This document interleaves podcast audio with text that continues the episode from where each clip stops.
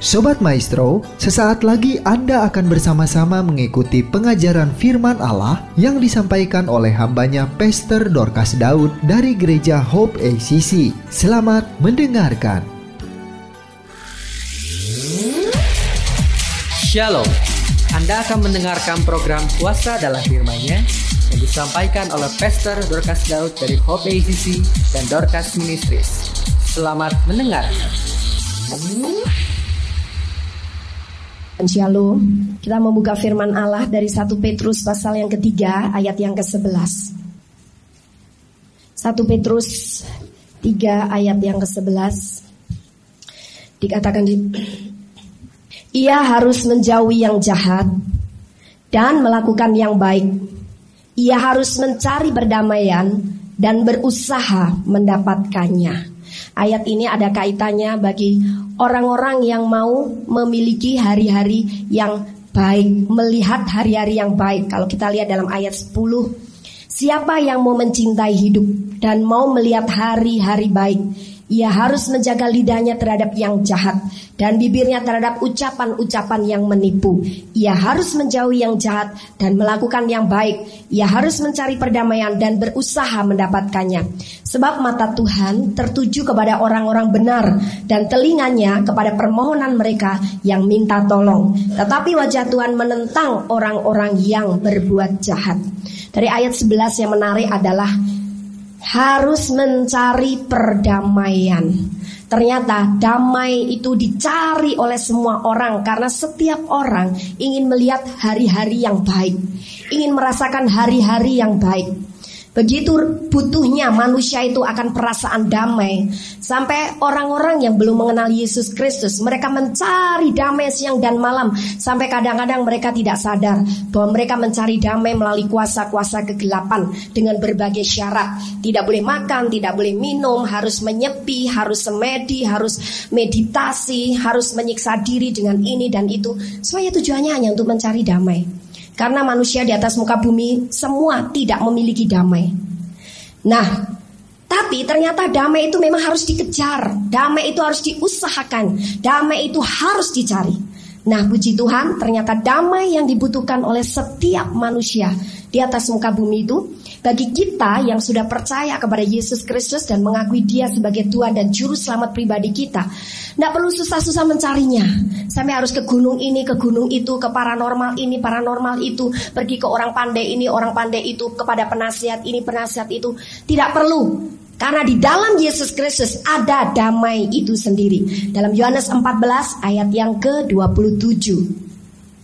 Yohanes pasal 14 ayat 27. Dikatakan di situ, damai sejahtera ku tinggalkan bagimu, damai sejahtera ku kuberikan kepadamu, dan apa yang kuberikan tidak seperti yang diberikan oleh dunia kepadamu. Janganlah gelisah dan gentar hatimu.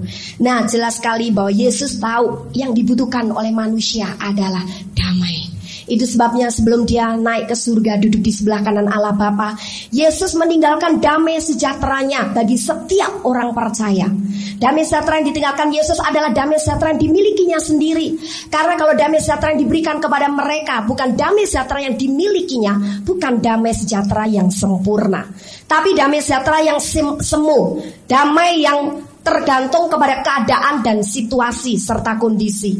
Kalau situasi, kondisi sedang baik, sedang nyaman, sedang bagus, ada damai sejahtera. Itu bukan damai sejahtera yang dari Yesus. Dan Yesus tahu perlu damai sejahtera aku sendiri yang kutinggalkan kepada mereka. Sebab damai sejahtera yang kutinggalkan kepada mereka adalah damai sejahtera milikku sendiri. Itu yang membuat mereka punya hati yang kuat senantiasa di dalam sukacita. Damai sejahtera yang dimiliki oleh Yesus adalah damai sejahtera supranatural yang di luar perkiraan akal manusia, di luar perhitungan manusia.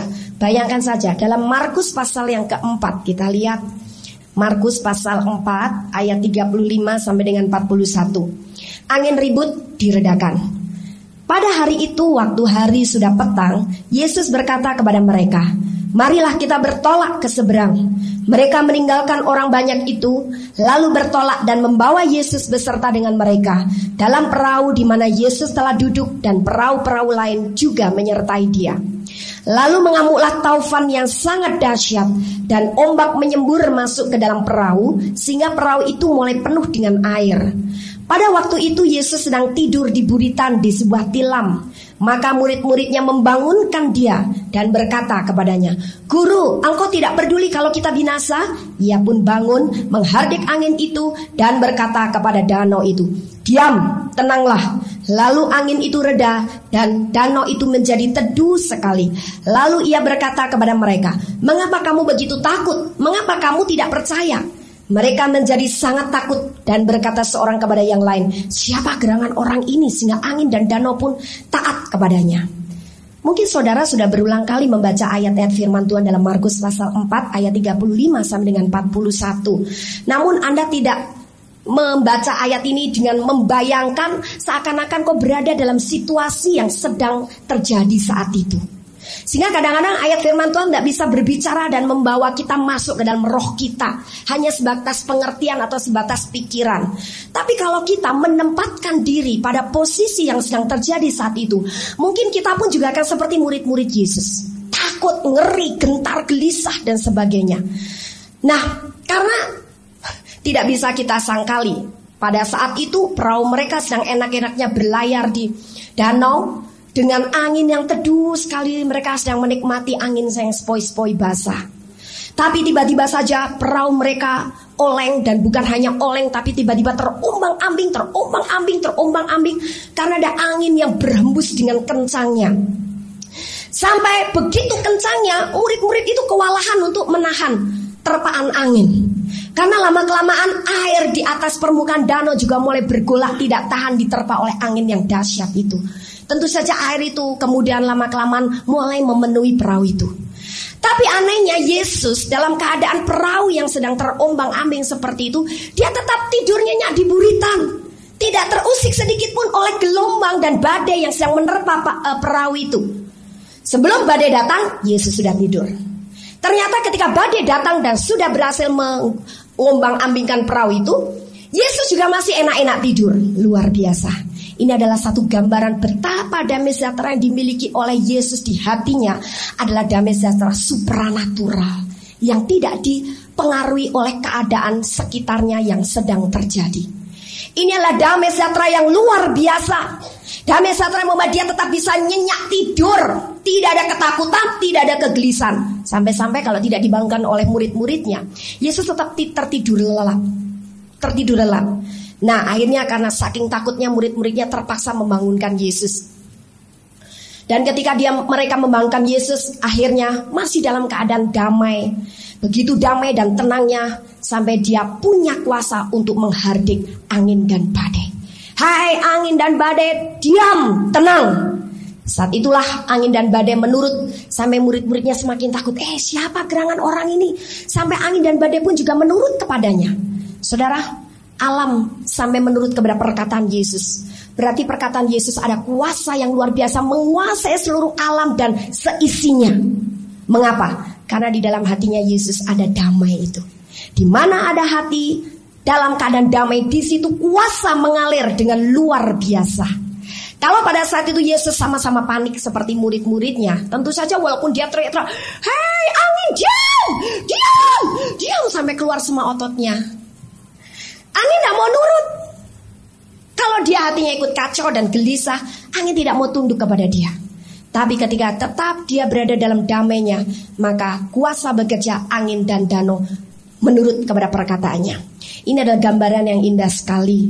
Bagaimana kalau kita sudah percaya kepada Yesus, Yesus sudah memberikan damai sejahtera di dalam hati kita, di mana damai itu harus kita pelihara. Sekarang kita tidak mengejar atau mengusahakannya, namun memelihara damai itu tetap berkuasa di dalam pikiran dan jiwa kita.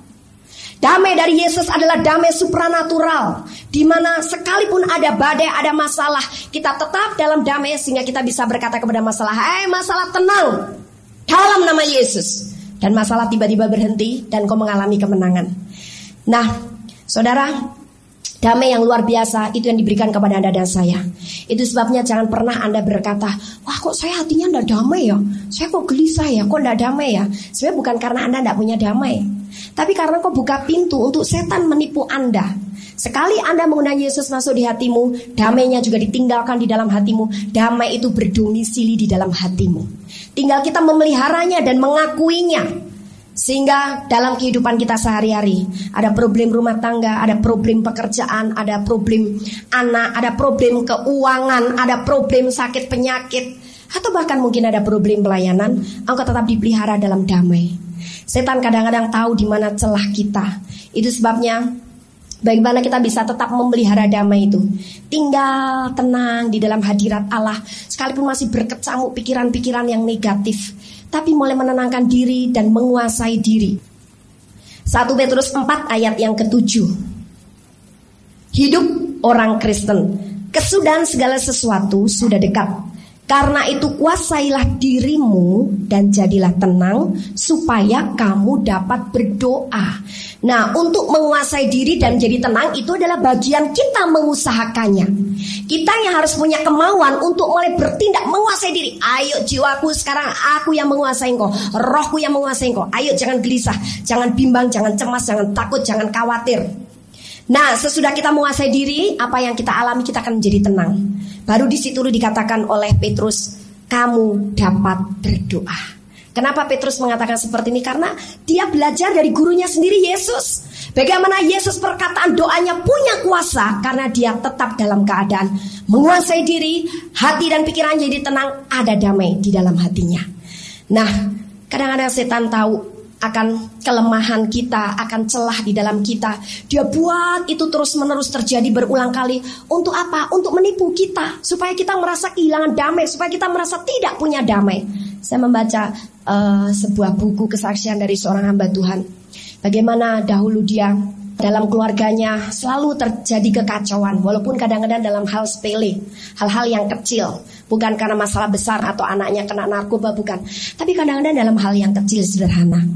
Istrinya adalah hamba Tuhan yang senang sekali kalau tinggal di rumah dalam keadaan suasana yang tenang, tidak berisik, anak-anak manis-manis, anjing tidak pada menggonggong begitu ya.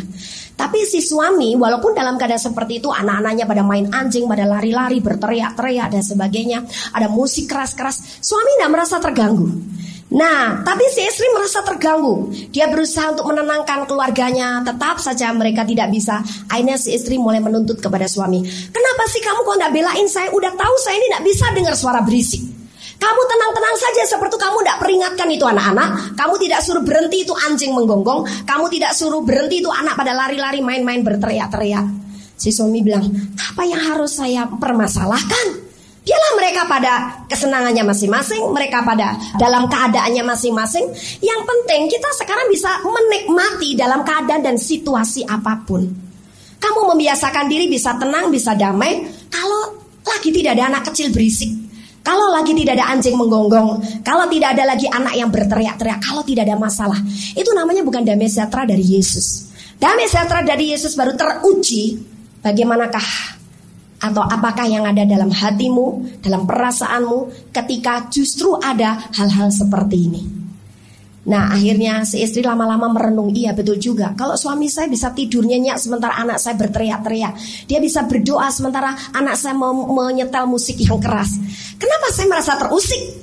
Akibatnya saya menuntut-menuntut. Saya akhirnya bertengkar dengan anak-anak. Saya akhirnya bertengkar dengan suami Lama-lama setelah hamba Tuhan wanita ini dia merenung, merenung, merenung baru dia sadar. Betul, bukankah damai sejahtera yang diberikan di dalam saya adalah damai sejahtera dari Yesus sendiri, damai sejahtera supranatural yang tidak terusik, terpengaruh ataupun tergantung oleh situasi yang ada. Damai sejahtera yang ada dalam saya bukan damai sejahtera yang saya bikin-bikin. Bukan yang saya terima dari dunia seperti yang Yesus katakan. Tapi damai sejahtera dari dia sendiri. Damai sejahtera supranatural. Nah sejak saat itu apa yang terjadi saudara? Ternyata hamba Tuhan ini dia ketika kemudian besok-besoknya harus mengalami situasi yang sama karena anaknya masih kecil-kecil.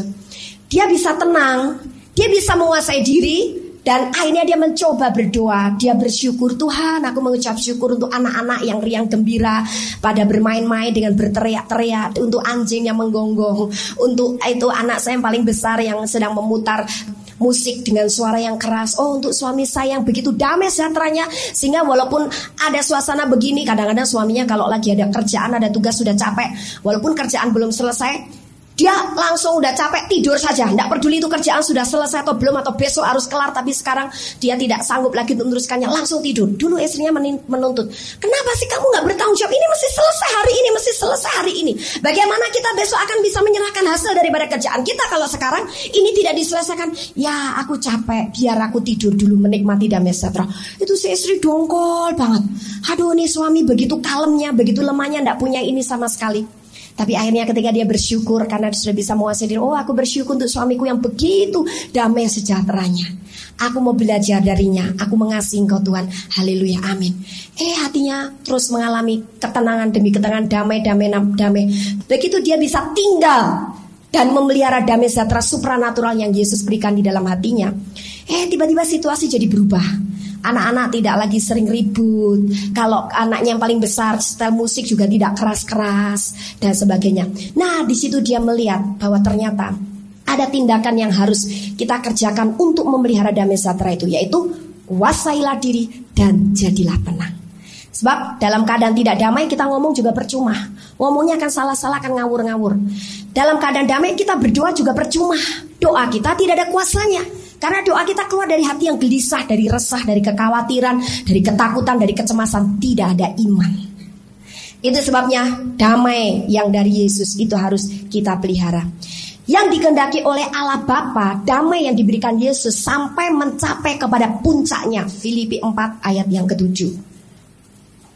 Damai sejahtera Allah yang melampaui segala akal akan memelihara hati dan pikiranmu dalam Kristus Yesus.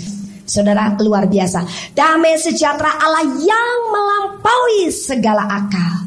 Ini juga satu bukti bahwa damai sejahtera yang diberikan oleh Yesus dalam hidup Anda dan saya adalah damai sejahtera supranatural. Sebab sampai tidak bisa dijabarkan dengan akal budi.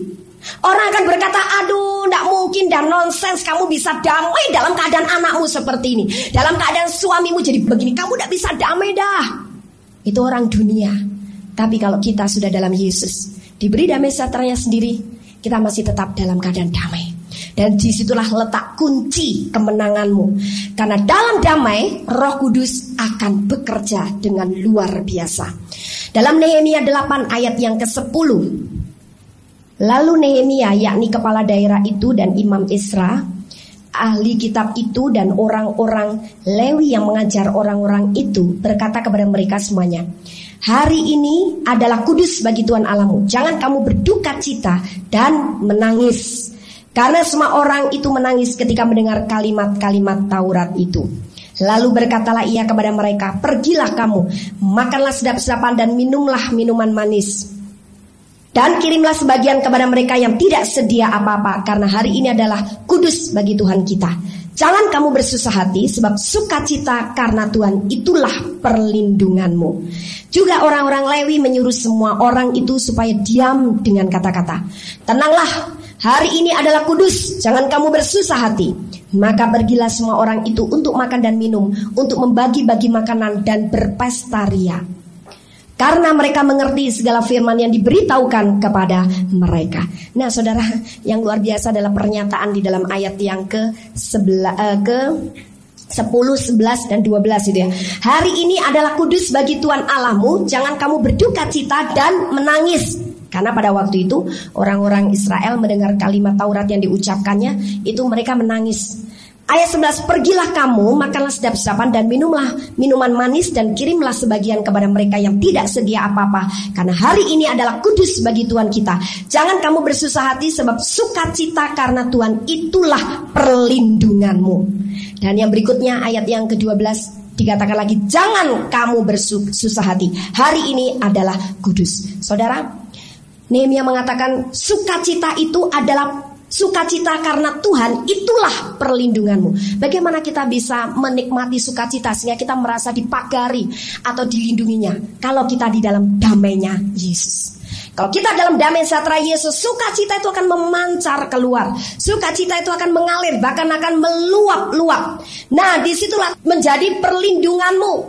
Bahkan di situlah letak kekuatanmu. Seseorang yang gelisah, Seseorang yang cemas, seseorang yang tertekan oleh satu sebab, seseorang yang khawatir, yang takut. dia tidak akan pernah bisa bersuka cita. Itu sebabnya jiwanya semakin rapuh, pikirannya semakin kalut, semakin kacau dan sebagainya. Dan akibatnya dia merasa kehilangan damai sejahtera itu. Saudara, saya sudah dua kali bertemu dengan orang-orang yang dulunya dipakai Tuhan dengan luar biasa. Tapi ternyata justru di penghujung akhir zaman ini saya melihat orang-orang ini aduh kok jadi begitu hidupnya. Saya sedih. Terus terang saya merasa sedih, roh saya merasa sedih. Apalagi kalau saya tahu masa lalunya. Saya pernah bersaksi bagaimana seorang ibu yang dulu dipakai Tuhan melayani Tuhan. Dialah pencipta uh, pujian Bapa surgawi, ajarku mengenal betapa dalamnya kasihmu. Tiba-tiba sekarang mukanya udah kusut, kuyu, tua begitu, matanya sembab, kelihatan banyak nangis. Saya kaget. Dia tidak pangling dengan saya, tapi saya yang pangling dengan dia. Saya terkejut karena melihat keadaannya loh kok sekarang seperti ini ternyata dia mundur menarik diri dari peredaran kerajaan Allah. Maksudnya tetap dia jadi orang Kristen tapi menarik diri dari peredaran pekerjaan Tuhan. Nah akibatnya begitu menyedihkan keadaannya. Tubuh yang sakit-sakitan, kemudian wajah yang tidak memancarkan cahaya kemuliaan Kristus, tidak ada sukacita. Dan bahkan sekarang dia berkecimpung lagi dalam bisnis duniawi. Nah, tadi saya juga melayani seorang ibu muda-muda sekali. Waduh, ibu ini terus saja ngomong, terus saja ngomong, terus saja ngomong. Wah, kadang-kadang teriak apa, teriak apa. Akhirnya saya disuruh melayani. Ternyata ibu muda ini dulunya dia adalah aktivis. Dia seorang penyanyi, song leader, suaranya bagus. Oh, dia melayani di sekolah-sekolah, dia melayani di eklesia aktif sekali. Saya ingat dulu pada waktu KKR eh, Pak Awon Datu di Cimahi, saya yang diminta untuk memimpin pujian diiringi oleh pemusik dari Eklesia. Dia jadi singer saya. Jadi saya bilang, oh ya saya inget toh kamu ini memang wajahnya sekarang berubah sekali, berubah mengerikan. Padahal dulu dia wanita yang cantik, gadis yang cantik, yang manis, peri yang lincah, suaranya bagus. Ternyata sekarang dalam keadaan, aduh, menyedihkan sekali. Ternyata saudara, Ya memang karena latar belakang kena kutuk sebab mamanya itu uh, jadi orang pintar turunan. Tapi juga ada ketakutan yang selalu menghantui dirinya. Takut ditolak oleh mertua, takut ditolak oleh suami. Semakin makin dia takut, semakin rusak hidupnya, semakin rusak tubuhnya, semakin rusak jiwanya. Semakin dia merasa tertolak dari suami dan mertua. Jadi semakin dia takut, semakin hancur-hancuran, semakin rusak, ada damai sejahtera, semakin dia merasa tertolak, semakin seperti tidak diperhatikan suami, tidak diperhatikan mertua. Ya habis dengan suara yang terbata-bata, suara yang sudah besar begitu. Dia bilang habis, saya kan oh, memang udah begini. Ya jadi nggak mau tahu. Kalau ngomong begitu, karena juga kena epilepsi. Nah saya tengking, saya doakan, saya tengking, kami tengking, kami doakan. Sampai akhirnya pulang, saya juga pulang sama-sama. Tapi yang jadi pelajaran bagi saya adalah, aduh iblis dan setan itu bukan main kurang ajarnya. Dia incar orang-orang yang sudah berada di garis depan karena membuka celah dia tidak memelihara damainya Yesus yang tinggal di hatinya. Terbuka pintu masuk ketakutan dan sebagainya. Akibatnya orang ini jadi digiles-giles oleh si iblis sampai akhirnya hilang dari peredaran pelayanan karena memang setan maunya begitu. Kalau kita mulai giat melayani menyala-nyala, setan maunya kita dihancurkan hidupnya dan sebagainya. Nah, akhirnya hidupnya jadi ancur-ancuran berbalik 180 derajat. Padahal anak ini, ibu ini berbahasa roh masih bisa. Tadi saya dorong, ayo berbahasa roh sama saya. Berbahasa roh, kamu dulu bahasa rohnya bagus. Saya bahasa roh, dia ikut tapi capek, sebentar capek. Terus badannya tergeletak aja seperti tidak ada kekuatan untuk duduk pun tidak ada kekuatan.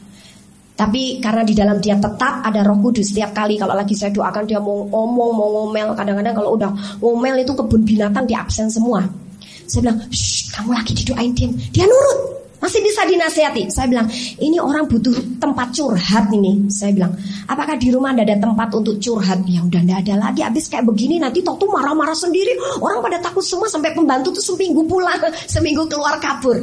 Tidak tahan. Nah, terus orang ini padahal kalau ditemenin, diberi kesempatan dia curhat. Kita nasihatin apa saja, kita lakukan apa saja untuk dia, kita doakan nurut kok. Iya ya, iya ya. Tapi kami semuanya sibuk katanya. Dan keluarga suaminya kayaknya juga sudah tidak mau tahu, tapi saya tidak mau menghakimi kali mereka juga sibuk masing-masing. Nah, saudara, ini merupakan satu gambaran bagaimana sebenarnya betapa pentingnya kita memelihara damai itu. Sedikit saja kita lompat pagar keluar dari damai itu, oh kita jadi kerubutan setan dan roh jahat. Nah, sekali kita tidak memeliharanya, maka setan punya kesempatan.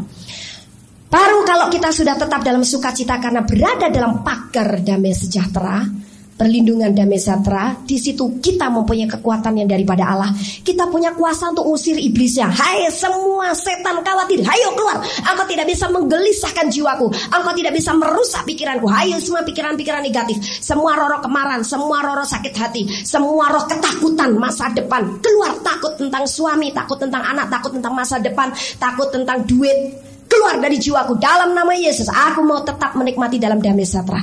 Karena dalam damai sejahtera iman saya ada.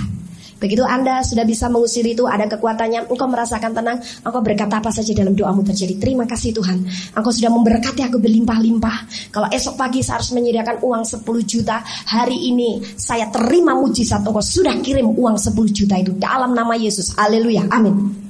Tidak mustahil tiba-tiba malam hari itu ada saja Tuhan kirim malaikatnya untuk memberkati engkau. Amin. Nah jadi kalau lagi resah, gelisah, takut jangan ngomong apa-apa, jangan doa, jangan nyalain orang. Mulai kuasailah diri, jadilah tenang. Di mana kita bisa menguasai diri dan menjadi tenang? Di dalam hadirat Allah. Nah sekarang dalam Lukas pasal 10 ayat 1 sampai dengan 11. Yesus mengutus 70 murid. Kemudian daripada itu Tuhan menunjuk 70 murid yang lain lalu mengutus mereka berdua-dua mendahulinya ke setiap kota dan tempat yang hendak dikunjunginya. Katanya kepada mereka, tuayan memang banyak tetapi pekerja sedikit. Karena itu mintalah kepada tua, tuan yang mempunyai tuayan supaya ia mengirimkan pekerja-pekerja untuk tuayan itu. Pergilah sesungguhnya aku mengutus kamu seperti anak domba ke tengah-tengah serigala. Janganlah membawa pundi-pundi atau bekal atau kasut. Dan janganlah memberi salam kepada siapa pun selama dalam perjalanan. Kalau kamu memasuki suatu rumah, katakanlah lebih dahulu, damai sejahtera bagi rumah ini. Dan jikalau di situ ada orang yang layak menerima damai sejahtera, maka salammu itu akan tinggal di atasnya. Maka sa tetapi jika tidak, salammu itu kembali kepadamu. Tinggallah dalam rumah itu, makan dan minumlah apa yang diberikan orang kepadamu. Sebab seorang pekerja patut mendapat upahnya. Janganlah berpindah-pindah rumah. Dan jikalau kamu masuk ke dalam sebuah kota dan kamu diterima di situ, makanlah apa yang dihidangkan kepadamu. Dan sembuhkanlah orang-orang sakit yang ada di situ dan katakanlah kepada mereka, kerajaan Allah sudah dekat padamu. Tetapi jikalau kamu masuk ke dalam sebuah kota dan kamu tidak diterima di situ, pergilah ke jalan-jalan raya kota itu dan serukanlah juga debu kotamu yang melekat pada kaki kami, kami kebaskan di depanmu. Tetapi ketahuilah ini, kerajaan Allah sudah dekat. Aku berkata kepadamu, pada hari itu Sodom dan akan lebih ringan tanggungannya daripada kota itu. Nah saudara, ini adalah pesan daripada Yesus ketika dia mengutus 70 muridnya untuk pergi berdua-dua menyembuhkan orang sakit dan mengusir setan-setan. Satu hal yang menarik daripada pesan Yesus untuk murid-muridnya adalah katakanlah damai sejahtera bagi rumah ini. Setiap mereka sampai di satu kota, atau bahkan sampai di sebuah rumah, mereka harus mengucapkan damai sejahtera, shalom. Kalau di antara mereka ada yang mau menerima damai sejahtera itu, nah, kamu tetap tinggal di situ. Kalau mereka kasih makan, kasih minum, minum. Jangan pindah-pindah rumah, makan di situ. Tapi kalau satu kota atau satu tempat tidak layak menerima damaimu, bahkan mereka menolak kamu, kebaskanlah debu kota itu dari kakimu. Biar kota itu menanggung tanggungannya, menanggung hukumannya, ya tanggungannya lebih daripada Sodom. Karena Sodom dikatakan akan lebih ringan tanggungannya daripada kota itu. Apa yang dimaksud oleh Yesus? Artinya di sini adalah bagaimana kamu akan bisa mengalirkan kuasa dan menyembuhkan orang sakit dan mengusir setan-setan kalau mereka tidak menerima damaimu, shalommu. Karena kalau mereka tidak menerima damaimu, shalommu, tidak menerima engkau, maka kuasa Roh Kudus juga ditolak oleh mereka, tidak akan terjadi mujizat. Itu sebabnya pengetesan pertama mereka terima engkau atau tidak Damai sejahteramu harus kamu lepaskan di sana.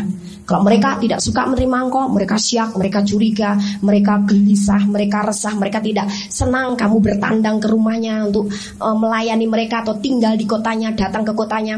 Pasti mereka tidak di dalam damai sejahtera. Udah tinggalkan aja kota itu. Jangan ngotot.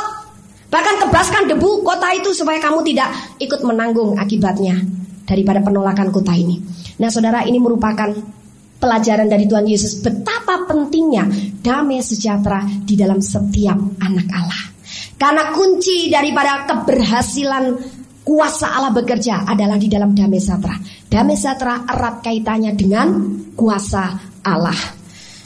Jadi kalau tidak ada damai percuma kamu walaupun berlama-lama di situ sampai kamu membujuk-bujuk sampai kamu nangis-nangis ibaratnya supaya mereka mau didoakan supaya mereka mau menerima kamu percuma.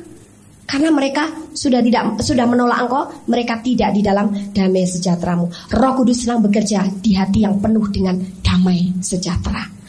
Itu sebabnya dalam Matius pasal 6 ayat yang ke-34 Sebab itu janganlah kamu khawatir akan hari besok. Karena hari besok mempunyai kesusahannya sendiri. Kesusahan sehari cukuplah untuk sehari. Ini musuh yang paling utama daripada damai sejahtera itu adalah khawatir. Sekalipun engkau sudah menerima damai sejahtera supranatural dari Yesus Tapi kalau engkau buka pintu untuk kekhawatiran Engkau keluar daripada perlindungan Allah. Engkau tidak memiliki kekuatan Allah. Engkau kehilangan sukacita itu sebabnya jangan kamu khawatir tentang apa pun juga. Tentang hari esok, karena hari esok ada kesusahan sendiri percuma. Kamu dengan khawatirmu juga tidak bisa menambah sahasta dalam kehidupanmu. Kamu tidak bisa mengubahkan apa-apa. Kamu tidak bisa melakukan apa-apa. Itu sebabnya jangan khawatir. Ini adalah musuh utama. Bagaimana supaya kita bisa tidak khawatir? Cari kerajaan Allah dan kebenarannya. Banyak orang kita sudah terima kerajaan Allah, sudah diam di gereja dengar firman tiap minggu, kasih persembahan perpuluhan, kasih kolektor, tapi tidak mengejar kebenarannya. Bagaimana kita mengejar kebenarannya? Belajar, belajar dan belajar terus. Engkau tetap harus jadi murid seperti saya. Saya juga murid. Saya terus bekerja, bekerja. Saya terus juga belajar, belajar dan belajar. Nah, padahal mencari kebenaran itu justru kuncinya. Kerajaan Allah kita terima, kita dapatkan gampang. Begitu kita dengar Injil, kita langsung mengakui Yesus jadi Tuhan dan Juru Selamat kita. Kita sudah dapat kerajaan Allah. Kita dilahirkan dari air dan roh, kita dibaptis, undang Yesus masuk di hati, dibaptis air. Sudah terima kerajaan Allah. Tapi sekarang untuk menerima segala galanya yang mau ditambahkan kepada kita itulah untuk hari esok, untuk hari sekarang dan sebagainya. Itu perlu kita usahakan dengan mencari kebenarannya. Kebenaran hanya kita bisa peroleh kalau kita mau belajar jadi murid. Rendahkanlah hatimu untuk tetap jadi murid, murid dan murid sampai sama seperti gurunya. Gurumu yang orisinil adalah Yesus. Walaupun Yesus pakai hamba bantuan untuk menjadi saluran berkat bagi Anda, mengajar Anda, membimbing Anda, membina Anda, tapi sumbernya adalah Yesus. Nah, sehingga hari-hari kita adalah hari-harinya Tuhan.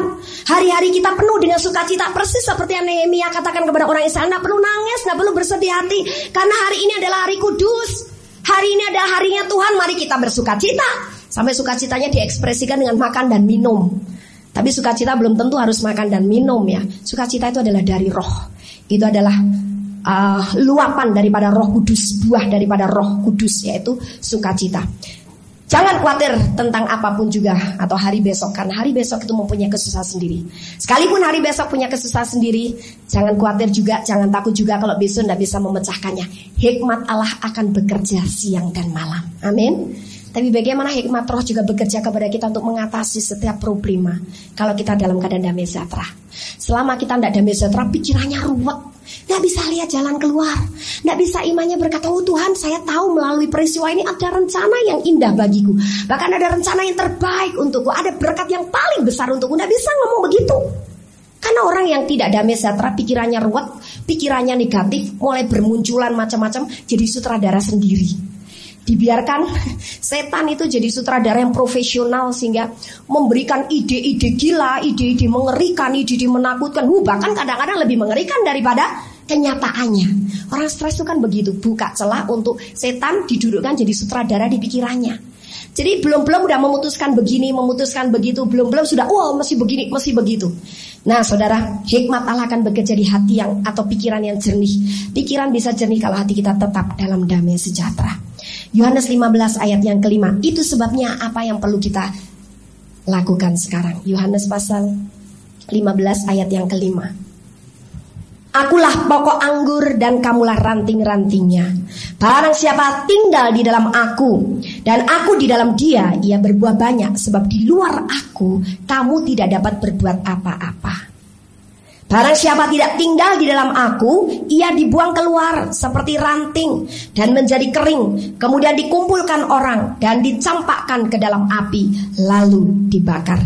Jikalau kamu tinggal di dalam aku dan firmanku tinggal di dalam kamu, mintalah apa saja yang kamu kehendaki dan kamu akan menerimanya.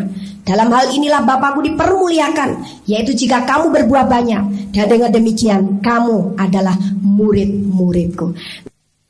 Karena di luar Yesus kamu tidak bisa berbuat apa-apa. Walaupun kamu katanya orang berhikmat di dunia. Kamu orang pandai, cerdas. Kamu tidak bisa mengatasi masalahmu. Kamu tidak bisa bertindak apa-apa. Dalam satu saat kamu akan merasa begitu kalut Dan kamu seperti kehilangan jalan. Tapi kalau kita tetap dalam Yesus Jalan selalu terbuka. Dan damai sejahtera itu akan tetap membual di dalam kita Bagaimana kita bisa tetap tinggal di dalam Yesus yang merupakan pokok anggur bagi kita dan kita ini adalah ranting-rantingnya gampang. Jawabannya ayat yang ketujuh. Jikalau kamu tinggal di dalam aku dan firmanku tinggal di dalam kamu, mintalah apa saja yang kamu kehendaki dan kamu akan menerimanya. Yang pertama dikatakan kamu tinggal di dalam aku. Kita percaya kepada Yesus, kita mengundang Yesus masuk di hati. Kita tinggal di dalam dia dan dia tinggal di dalam kita. Kemudian kita dibaptis roh kudus. Yang ketiga adalah firmannya tinggal di dalam kita. Jadi ada tiga, tiga syarat untuk kita tinggal di dalam Yesus. Kita percaya kepada Yesus, kemudian kita mengakui dia sebagai Tuhan dan Juru Selamat, kita undang masuk di hati, Yesus tinggal di kita. Sekarang bagaimana kita tinggal di dalam dia? Kita dibaptis roh kudus. Karena ketika kita dibaptis roh kudus, kita ditenggelamkan di dalam dia melalui kuasanya. Dan yang ketiga, kita tinggal di dalam firmannya. Itu sebabnya kita jangan banyak dipenuhi dengan cerita-cerita dunia. Kalau pikiran banyak dipenuhi dengan cerita dunia, cerita televisi, cerita apa-apa. Nah, kalau kita pikirannya banyak dipenuhi begitu ya, kita panik, kita takut sebentar, takut sebentar, khawatir sebentar, cemas. Atau mungkin hal lain lah, bukan masalah politik. Politik memang tidak bisa dipegang. Sebentar hari ini ngomong begini, satu jam lagi udah berubah. Kita mungkin semuanya sudah tidak berpegang pada perkara politik, tapi perkara-perkara sampah, oh hati-hati loh. Sekarang lagi oh zamannya begini-begini, oh hati-hati kalau anak sekolah, oh aduh macam-macam. Dulu zamannya katanya di Bandung paling gencar anak-anak sekolah itu kalau beli apa sih permen atau apa ya, yang baunya wangi-wangi begitu dalamnya ada ada obatnya, obat apa itu namanya? Aduh itu sudah keliling ke mana-mana. Saya tahunya justru dari Jakarta, dari Jogja orang yang ngomong ke saya. Saya sendiri ngomong Bandung nggak dengar berita itu. Oh ya? Jadi di sekolah-sekolah di Bandung katanya ada berita begitu. Anak-anak sekolah kalau beli apa sih permen atau penghapus gitu. Atau apa yang kalau dicium begitu ya. Baunya wangi atau pensil gitu ya ballpoint. Wah, itu saya sendiri di Bandung bertahun-tahun tidak dengar ceritanya. Saya melayani di Jakarta, saya melayani di Jogja. Mereka pada tanya, eh gimana, gimana anak-anak sekolah di Bandung? Aduh, kasihan. Anak ibu sendiri gimana loh? Kenapa? Saya bilang, kan sekarang lagi modelnya begini. Oh ya, saya baru tahu dari anda. Saya bilang. Waduh begitu damainya saya karena apa tidak mau kulakan atau tidak mau uh, mengimpor cerita seperti cerita seperti itu saudara itu kan sampah dunia gitu asal saya penuh dengan firman. Karena memang syaratnya untuk memelihara damai sejahtera tetap tinggal di dalam firmannya. Nah, kalau berita dari sini itu baru betul. Walaupun ceritanya kalau kamu ditampar pipi kiri serahkan pipi kanan, beritanya begitu ya dari sini. Tapi itu betul membawa damai sejahtera. Tapi kalau beritanya bukan dari firman Allah, sering bikin gelisah, kacau dan sebagainya. Nah, sekarang kalau kita tetap tinggal di dalam Yesus, apa yang terjadi Filipi 4 ayat yang ke-13. Filipi 4 ayat yang ke-13. Segala perkara dapat kutanggung di dalam dia yang memberi kekuatan kepadaku. Sebenarnya bukan kutanggung tapi dapat ku lakukan. Segala perkara dapat kulakukan atau kukerjakan di dalam dia yang memberi kekuatan kepadaku. Kalau kita tetap berada dalam damai sejahtera Yesus karena kita tinggal di dalam dia, dia di dalam kita dan di dalam firman-Nya, apa yang terjadi? Segala perkara bisa engkau kerjakan karena Yesus yang memberikan kekuatan kepadamu. Sekali lagi ini adalah berita baik yang luar biasa. Engkau akan menerima kekuatan yang baru daripada Dia. Kalau engkau di dalam damai sejahteranya. Nah, jadi Apa pun yang sedang kau hadapi, tantangan, kesulitan, engkau bisa melakukannya. Engkau bisa menyelesaikannya. Karena dia memberikan kekuatan kepadamu. Efesus 6 ayat yang ke-10. Efesus 6 ayat yang ke-10. Akhirnya, hendaklah kamu kuat di dalam Tuhan. Di dalam kekuatan kuasanya. Yang dikehendaki oleh dia adalah kita kuat di dalam Tuhan yaitu di dalam kekuatan kuasanya. Orang yang tidak di dalam damai sejahtera dia rapuh. Jiwanya karena pikirannya lelah. Fisiknya juga menjadi rapuh. Tapi kalau dia dalam damai sejahtera dia menjadi kuat. Bahkan dia di dalam kekuatan kuasanya. Kuasa urapan roh kudus dalam dirinya juga semakin kuat, semakin kuat. Dan semakin dahsyat. Syarat yang kedua sesudah kita tetap tinggal di dalam Yesus tadi adalah Yohanes 15 ayat yang ketujuh. Yohanes 15 ayat yang ketujuh. Jikalau kamu tinggal di dalam aku dan firmanku tinggal di dalam kamu, mintalah apa saja yang kamu kehendaki dan kamu akan menerimanya. Dalam hal inilah Bapakku dipermuliakan, yaitu jika kamu berbuat banyak. Dan dengan demikian kamu adalah murid-muridku. Masih ayat yang sama yang tadi kita baca, namun dengan pengertian yang berbeda, yaitu Jikalau kamu tinggal di dalam aku dan firmanku tinggal di dalam kamu Itu adalah posisi Anda yang sesungguhnya Sebagai anak Allah Kalau engkau tetap mau dalam damai sejahteranya Jangan tinggalkan posisi itu Posisi dalam Yesus berarti posisi yang jauh lebih tinggi dari tempat tinggalnya setan-setan dan roh jahat Dan bahkan masalah dan persoalan di dunia ini Sekali engkau meluncur turun ke bawah Engkau tidak di dalam Yesus Engkau meninggalkan posisimu Engkau diganyang oleh si iblis Mulai ada kekhawatiran, mulai ada ketakutan, mulai ada keresahan, mulai ada kegelisahan. Mulai engkau merasa seperti kehilangan damai sejahtera. Nah, sekali engkau didudukkan di posisi yang benar seperti tetap bertahan tinggal di situ. Supaya apa? Supaya kita tetap mempunyai kekuatan kuasanya yang luar biasa. Saya beberapa hari yang lalu menelepon kepada beberapa orang yang tinggal di Bogor karena saya punya beban untuk orang-orang Bogor. Saya beberapa kali diundang untuk KKR di Bogor, tapi karena waktu terbatas, Siap kali ketika saya ajak nyembah orang pada manifestasi.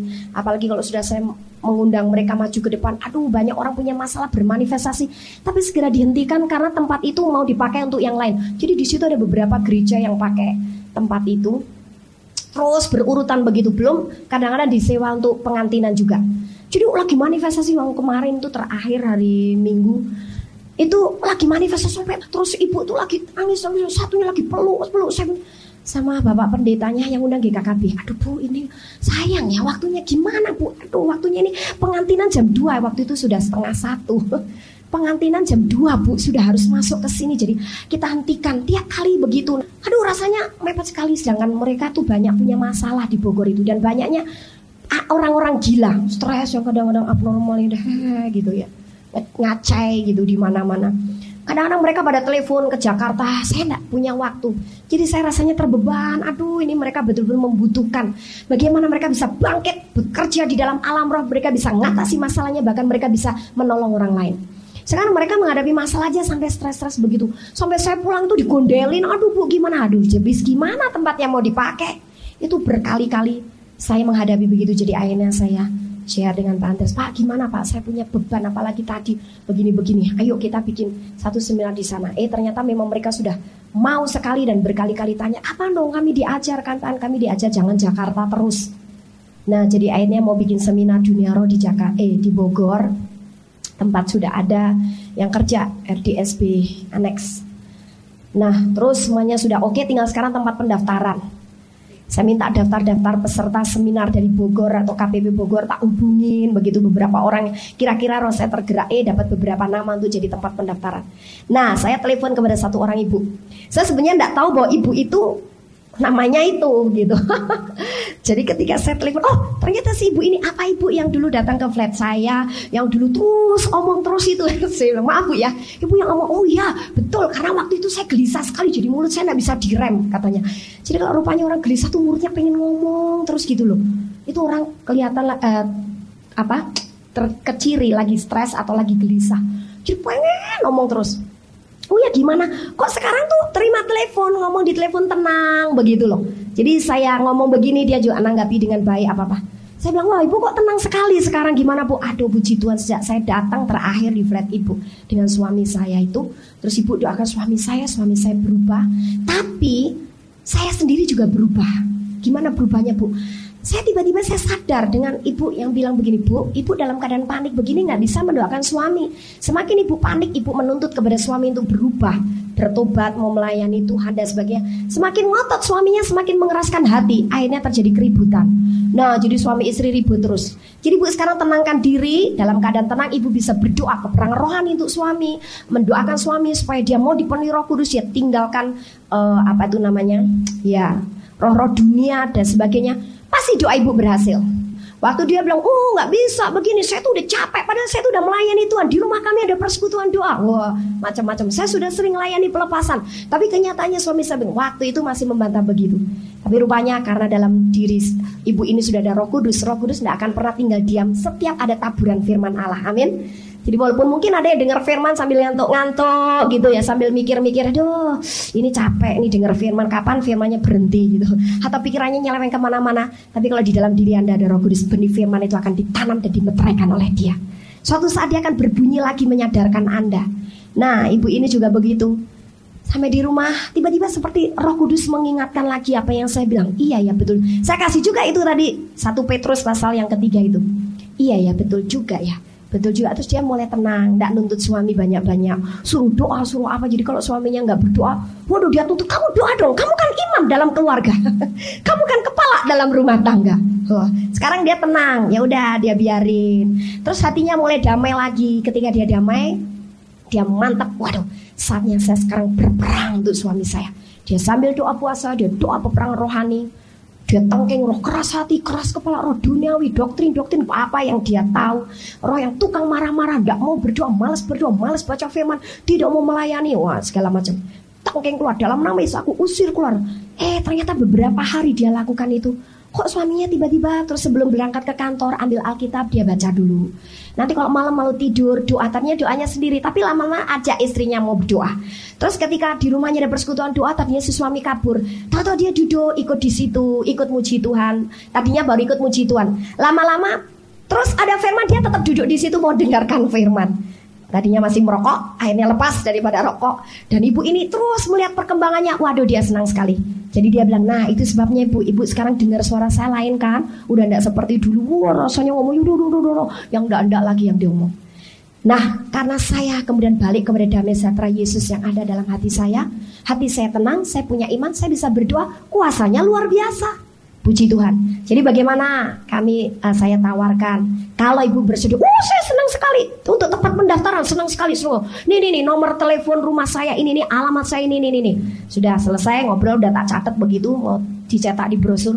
Berapa menit kemudian telepon lagi, aduh bu ini anak saya bu. Tiba-tiba datang waktu saya cerita, waduh saya senang, dia senang sekali. Dia bilang, oke okay, saya mau bantu bantu, kasih nomor handphone saya. Siapa tahu mama lagi pergi, biar orang yang mau daftar telepon ke handphone saya, kasih nomor handphone anaknya yang satu, satu lagi Tiba-tiba sudah itu tutup dulu. Belum satu lagi nih anak sih laki-laki dia juga telepon. Eh handphone saya juga cantumin biarin nanti kalau adik saya lagi dia sibuk di kantor handphonenya mati orang mau daftar nggak bisa udah melalui handphone saya. Jadi sekarang semuanya dikasih-kasih saudara. Nah ini merupakan contoh bagaimana pentingnya kita memelihara damai sejahtera supranatural yang Yesus tinggalkan dan ada di dalam hati saudara dan saya. Amin. Itu adalah kunci segala sesuatu. Haleluya. Kami percaya Anda pasti diberkati oleh firman Tuhan yang disampaikan oleh Pastor Dorcas Daud STH dari Hope ACC dan Dorcas Ministries. Sampai jumpa kembali, Tuhan Yesus memberkati.